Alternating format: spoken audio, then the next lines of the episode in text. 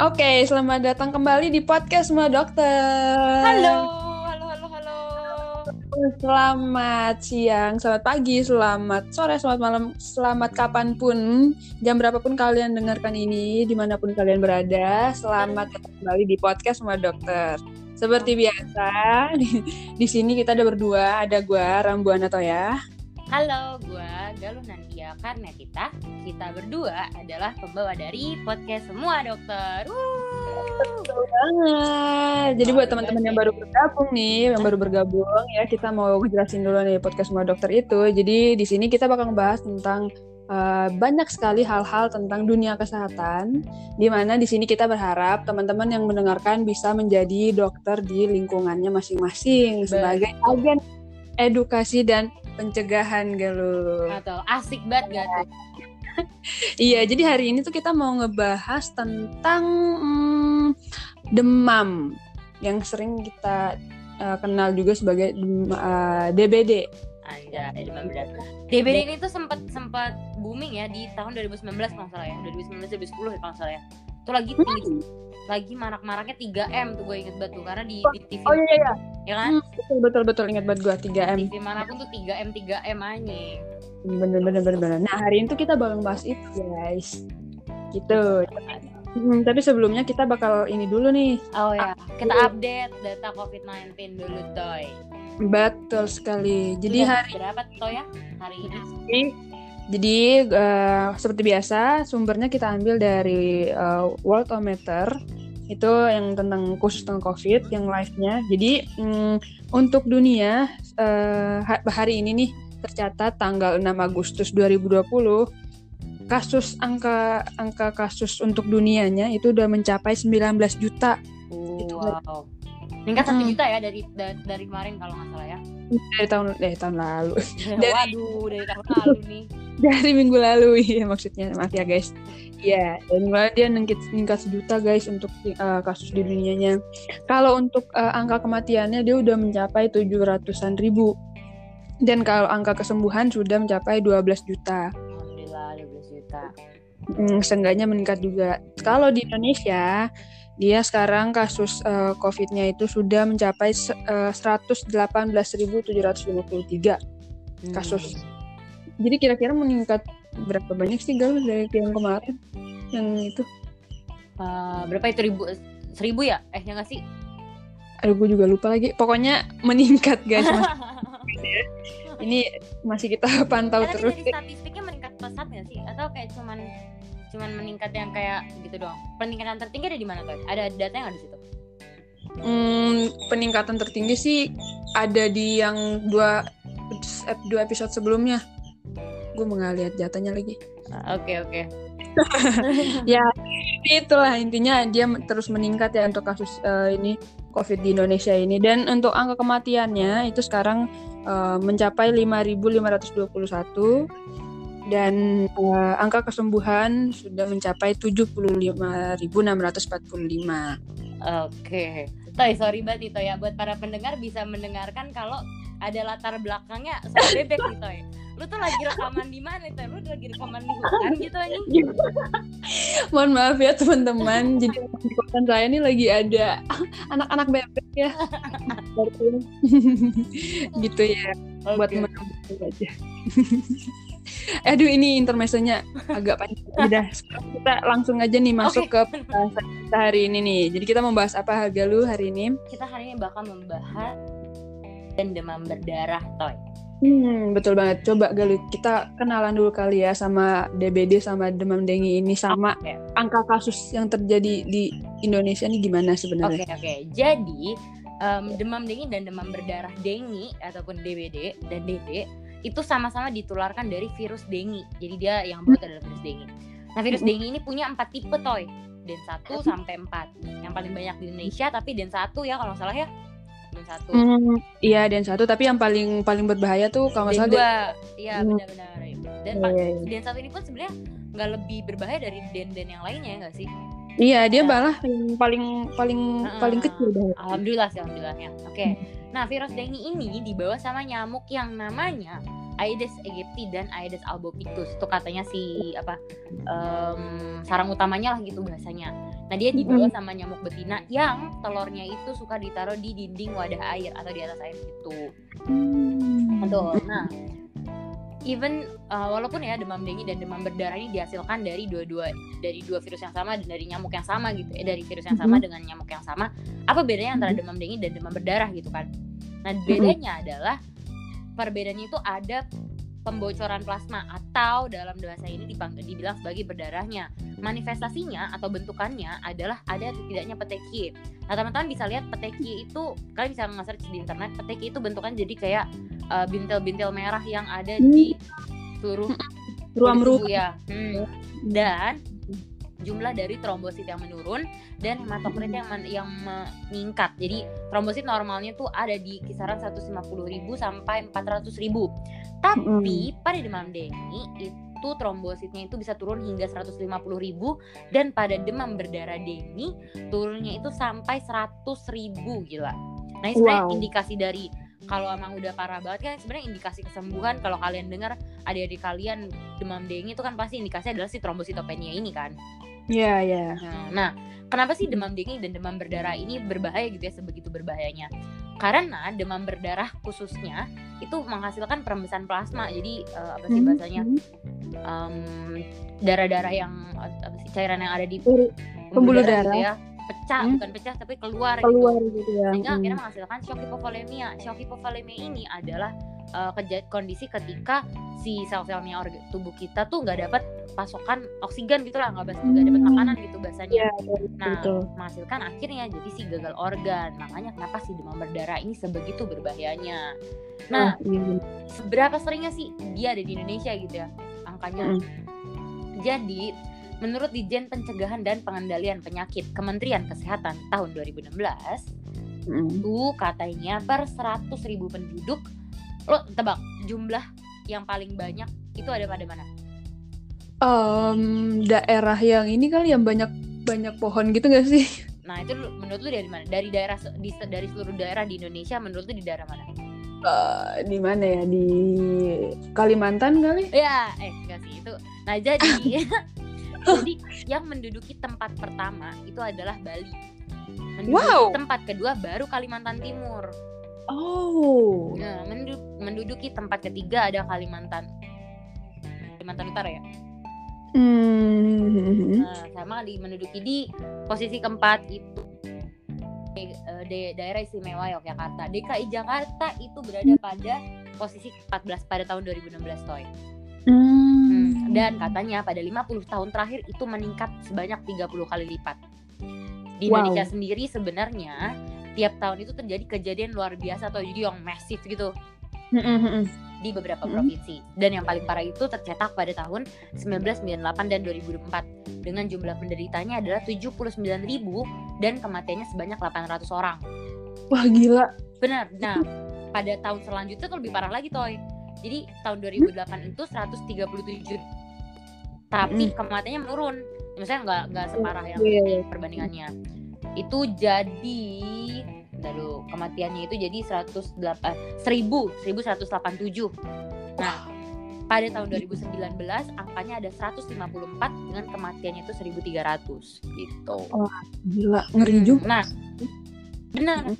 Nah katanya sih, menurut Sari dari artikel yang dia buat dengan judul pengaruh lingkungan terhadap perkembangan penyakit malaria dan demam berdarah dengue, hal ini dipengaruhi kepadatan, mobilitas penduduk, kualitas perumahan, jarak antar rumah, pendidikan, pekerjaan, sikap hidup, golongan umur juga ternyata berpengaruh gitu, Toy. suku Oh, bangsa iya. dan kerentan penyakit begitu. Hmm, iya, iya. Hari ini. Nah, oke kita Hmm. udah membahas ya tentang si pasti sih demam de- demam berdarah dan demam dengue ini sendiri. Sebenarnya kenapa eh, bagaimana sih hal ini tuh bisa terjadi gitu si demam berdarah demam dengue ini apalagi mengakibatkan pembocoran plasmanya. Terus gimana sih kira-kira tata laksananya baik dari kitanya gitu ya, dari yang di rumah Mm-mm. ataupun di rumah sakit. Itu gimana, Toy? Oke, jadi kalau eh, ini jadi kan udah dijelasin ya tadi ya kalau demam ini demam dengue ini eh, disebabkan oleh virus dan akhirnya dia terjadilah si demam ini. Dem- ada baik yang demam dengue baik yang eh maupun yang demam berdarah. Berdarah. Hmm, hmm, hmm. Jadi uh, singkatnya adalah uh, demam apa uh, infeksi dari virus ini dia baru menyebabkan gejala atau maksudnya baru beresiko untuk menjadi parah itu setelah infeksi yang kedua. Jadi infeksi oh, iya? yang pertama hmm, betul. Jadi makanya DENF 2 tuh lebih berbahaya karena hmm, kayak gitu. Jadi infeksi yang pertama itu biasanya virus tuh masuk kan, masuk ke dalam sel terus nanti dia bereplikasi terus akhirnya uh, sel-sel menimbulkan uh, sel-sel radang itu jadi muncul gitu. Nah, biasanya mm, biasanya dia baru terjadi demam atau enggak bias uh, atau enggak dia enggak uh, ada enggak ada gejala gitu. Maksudnya enggak ada gejala-gejala yang kayak um, sakit kepala atau ruam belum ada. Nah itu tapi di situ di, uh, dia itu jadi kunci juga di mana sel imun tubuh kita itu jadi mengingat gitu oh ini ini virus deng virus deng ini gue harus ingat sehingga pas infeksi yang kedua pas dia um, nyamuk dia kegigit nyamuk yang si Aedes ini lagi mm -hmm. dia bakal imun tubuh kita nah di sini bahayanya adalah karena um, uh, karena dia bisa ada ada namanya uh, sistem komplement. Jadi komplement ini nanti dia um, bakal uh, dikeluarkan gitu ya, mm-hmm. dikeluarkan pada saat infeksi kedua. Terus nanti dia akan menyebabkan permeabilitas dari uh, pembuluh darah kita nih meningkat. Permeabilitas tuh kayak apa ya? Ikatannya jadi jadi longgar gitu ya.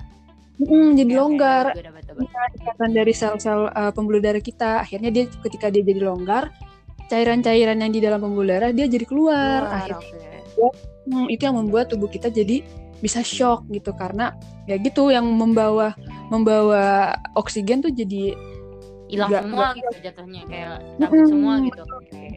Nah iya betul. Nah itu biasanya tuh ada fase-fasenya gitu. Jadi hari pertama sampai hari ke hari ketiga itu biasanya uh, suhunya dia bakal naik banget, bakal tinggi banget dari dari 38 sampai 40 derajat Celcius.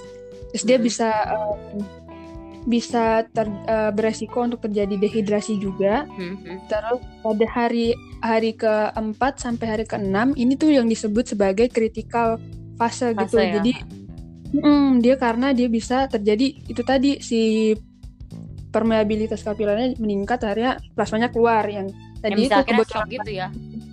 Iya, itu terjadi kebocoran plasma akhirnya bisa terjadi uh, shock Berarti itu kalau nggak ditangani serem, gitu. Serem-seremnya kalau di masa-masa kritikal kayak gini ngerinya gagal organ ya nggak sih? Cara Iya, banget. Okay.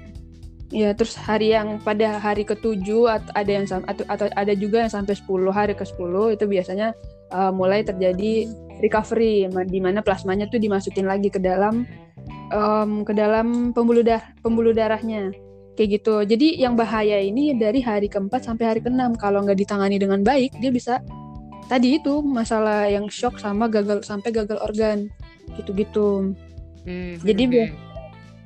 Mm, jadi biasanya tuh kayak um, apa sih namanya uh, manifestasi klinis atau gejala-gejalanya itu biasanya um, demam tinggi kan terus um, badannya jadi nyeri terus dia sakit kepala hmm. terus terus um, apa namanya otot-ototnya tuh otot, tulang, sendi gitu-gitu tuh bisa nyeri. Tuh itu untuk yang um, masih tahap-tahap uh, apa ya, tahap-tahap demam demam denginya. Kalau dia udah nyampe yang demam demam berdarah, berdarah hmm, biasanya tuh ada bisa ada sama ruam-ruam.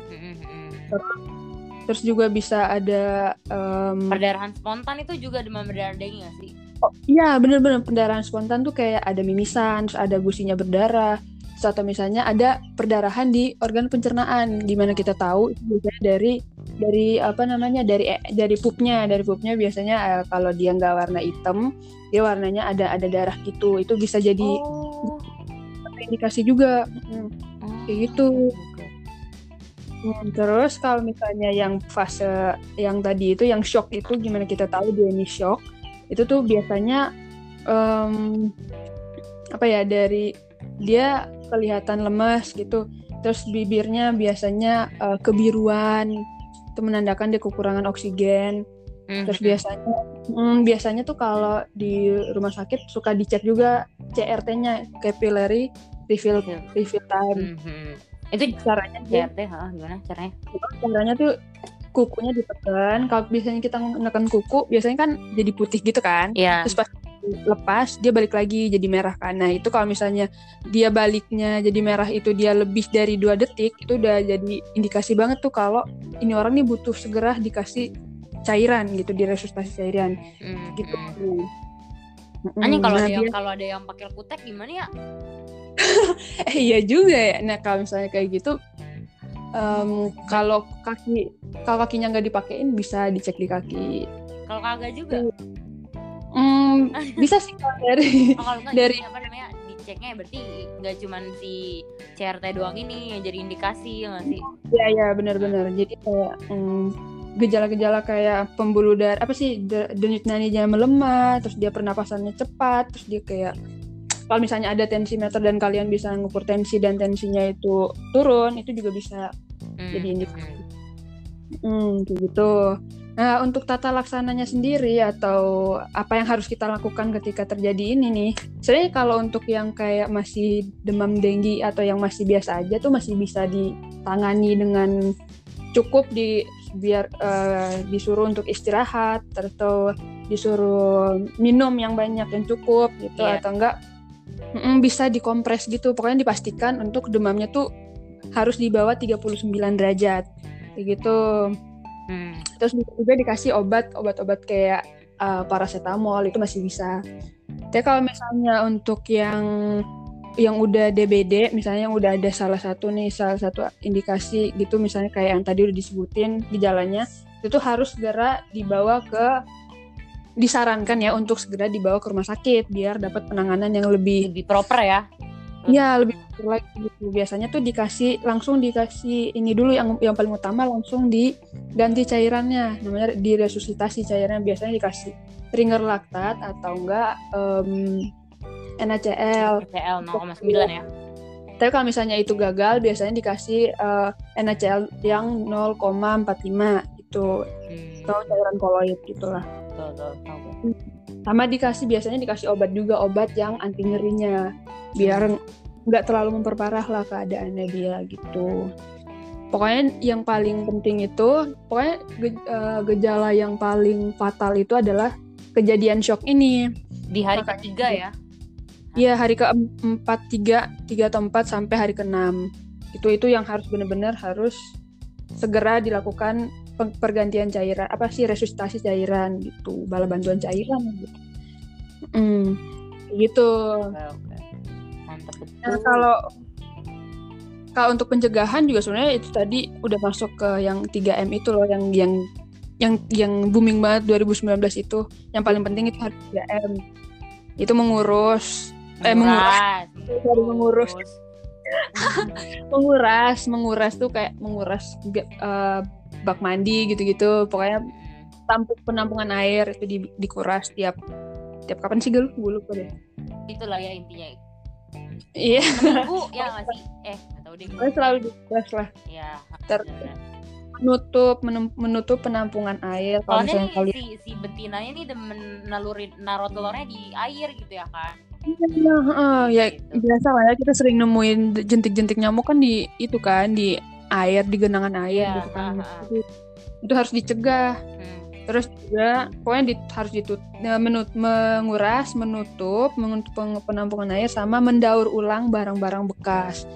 Terus juga pakaian-pakaian tuh nggak boleh terlalu lama gitu digantung atau ditumpuk pakaian-pakaian kotor ya terutama Iya. yang berwarna tuh biasanya itu tuh jangan terlalu lama di, di itu kalau bisa sih di ini sih masukin ke masukin ke lemari atau enggak pokoknya jangan ditumpuk atau digantung terlalu lama gitu itu bisa jadi tempat-tempat ini ya tempat tempat si nyamuknya ya bisa jadi gitu. iya itu jadi tempat kesukaannya mereka gitu jadi mm, kayak Gitu. gitu Tapi tapi toy speaking of Mm. pencegahan, jadi tuh terakhir gue dapet sih Kementerian Kesehatan dia tuh 3M plus gitu loh, udah ada plusnya lagi. oh iya Iya, jadi gimana tuh gimana, jadi kan- gimana, gimana? menguras, menutup, memanfaatkan kembali gitu kan bahasanya kan. Nah. Plusnya itu ada ini lucu sih. Plus itu adalah salah satunya adalah memelihara ikan pemakan jentik nyamuk. Lu baru tahu kan? terus lu tahu nggak ikan gitu. nyamuk kapan ikan Apa? cupang, ikan mas gitu anjing ternyata mereka demen makan jentik nyamuk Ih, lucu banget tau. Eh, keren juga melihara cupang dan meng- mencegah ini. Iya kayak kocak ya. Terus terus apa lagi? Terus habis itu menggunakan obat anti nyamuk itu plus ya. Terus ketiga memasang kawat kasa pada jendela dan ventilasi. Keempat gotong royong Hmm. membersihkan lingkungan. Lima periksa tempat penampungan air. Keenam meletakkan pakaian bekas Hmm. yang tadi bilang pakaian bekas pakai dalam wadah tertutup. Mm. Terus memberikan larvasida pada penampung air yang susah dikuras. Memperbaiki saluran dan Oh, talang iya. air yang tidak lancar. Aman pengusir nyamuk begitu katanya. Hmm. Oh iya sama juga sama kalau misalnya untuk bayi kan nggak enak gitu ya kalau disemprotin ini apa sih semprotin obat nyamuk itu kalau bisa sih pakai kelambu. Oh iya, kalau gitu. gue men, oh iya, iya. Mm-mm, Jadi kan. intinya belikan cupang lah guys. Murah dan bermanfaat. benar benar. Terus, Oke oke Toy. pencegahannya ya Udah. tadi udah masuk itu ya pencegahan. Iya ya sama oh iya galuh untuk jadi kan kita dari tadi tuh baru ngomongin soal obat simptom apa obat untuk gejala sama resusitasi cairan gitu ya sebenarnya udah ada belum sih untuk vaksin gitu untuk penyakit DF sama DHF Hmm, Oke. Atau Jadi Dede. sebenarnya nih si vaksin ini tuh udah ada namanya Dengvaxia Dengvaxia kan? Itu dia disebut juga sebenarnya CYT TDF. Jadi udah dipasarin mulai dari tahun 2015 dan katanya butuh penelitian untuk lebih dari enam tahun toy. Nah, hmm, kayak ya. Nah terus katanya hasilnya jadi pada tanggal pada tanggal berapa nih? Pada tanggal 2019, Dah, tanggal 2019. Pokoknya dia tahun 2000 tahun 2019 lah ya kan? Dia tuh di tulis lah nih di Indonesia gitu ya. Nah hasilnya menunjukkan bahwa vaksin ini berhasil mengurangi DBD dengan gejala sebanyak 65,5 persen mengurangi perawatan rumah sakit hingga 80,8 persen dan mengurangi dengue berat sebanyak 92,9 persen jika diberikan pada tapi katanya nih uji klinisnya baru dikasih pada anak usia 9 sampai 16 tahun gitu loh Tom. oh jadi belum ini ya belum belum disebarluaskan untuk penggunaan seluruh nah, iya, usia gitu itu ya belum sih gue amannya. Gue gue yang gue dapat gitu sih belum. Kalau emang pendengar pada tahu, please kontak us lewat semua dokter biar nanti siapa tahu ya kan kita perbaiki. Betul banget guys Eh, ini udah keluar nih pembahasannya nih mau kita konklusikan dulu nih. Udah. oh udah oke coba kita Oke, konklusikan dulu. jadi konklusinya adalah demam dengue dan demam berdarah ini itu dihasilkan dari virus dengue yang dibawa sama nyamuk Aedes aegypti. Dibawa sama nyamuk Aedes aegypti yang betina ya. Nah, jeleknya nih si Aedes aegypti ini punya kebiasaan buat naruh telurnya ini di dinding wadah air. Itu alasannya kenapa kalian ha- pencegahannya itu adalah 3M. Menguras, menutup dan menggunakan kembali. Menguras dan menutup ini apa? tempat penampungan air gitulah, ya nggak sih either bak atau enggak kayak eh, apa sih drum gitu ya intinya yang ada airnya gitulah. Nah, Bedanya demam dengue dan demam berdarah itu adalah pada perembesan plasmanya yang bakal yang berbahaya itu nanti bakal ngakibatin gagal organ. Paling gampangnya adalah kalian bisa Iya. ngelihat dari petekie ya. Identifikasi tercepatnya dari petekie. Terus em, di Indonesia juga cukup jarang dan katanya di Indonesia tiap tahunnya bakal selalu ada kejadian luar biasa di beberapa provinsi terkait sama kejadian demam berdarah ini, demam berdarah dengue dan demam dengue-nya. Terus eh, hal ini diakibatkan karena eh, dia dia harus kena dua kali ya. Second hit eh bukan second hit apa sih? Second infection teori ya. Yang dia harus kena dua kali dulu betul. baru lu bisa ngasilin gejala lah gitu bahasanya. Eh, dan lebih, lebih tepatnya lebih berisiko untuk menjadi ya. lebih parah. Nah, em, Iya. terus tata laksananya itu adalah yang kalau men- kalau emang dipulangin biasanya disuruh minum aja ya. Minum terus utamanya istirahat ya nggak sih? Minum utamanya istirahat, Istirahat, dan betul. eh, kalau misalnya demam dikasih paracetamol. Gue juga sempat baca sih katanya jangan dikasih NSAID, ibuprofen ataupun aspirin gitu. Eh, ibuprofen sama aspirin, NSAID, ibuprofen, NSAID. Intinya jangan dikasih ibuprofen dan aspirin gitu. Jadi kalau demam dikasih aja paracetamol. Iya.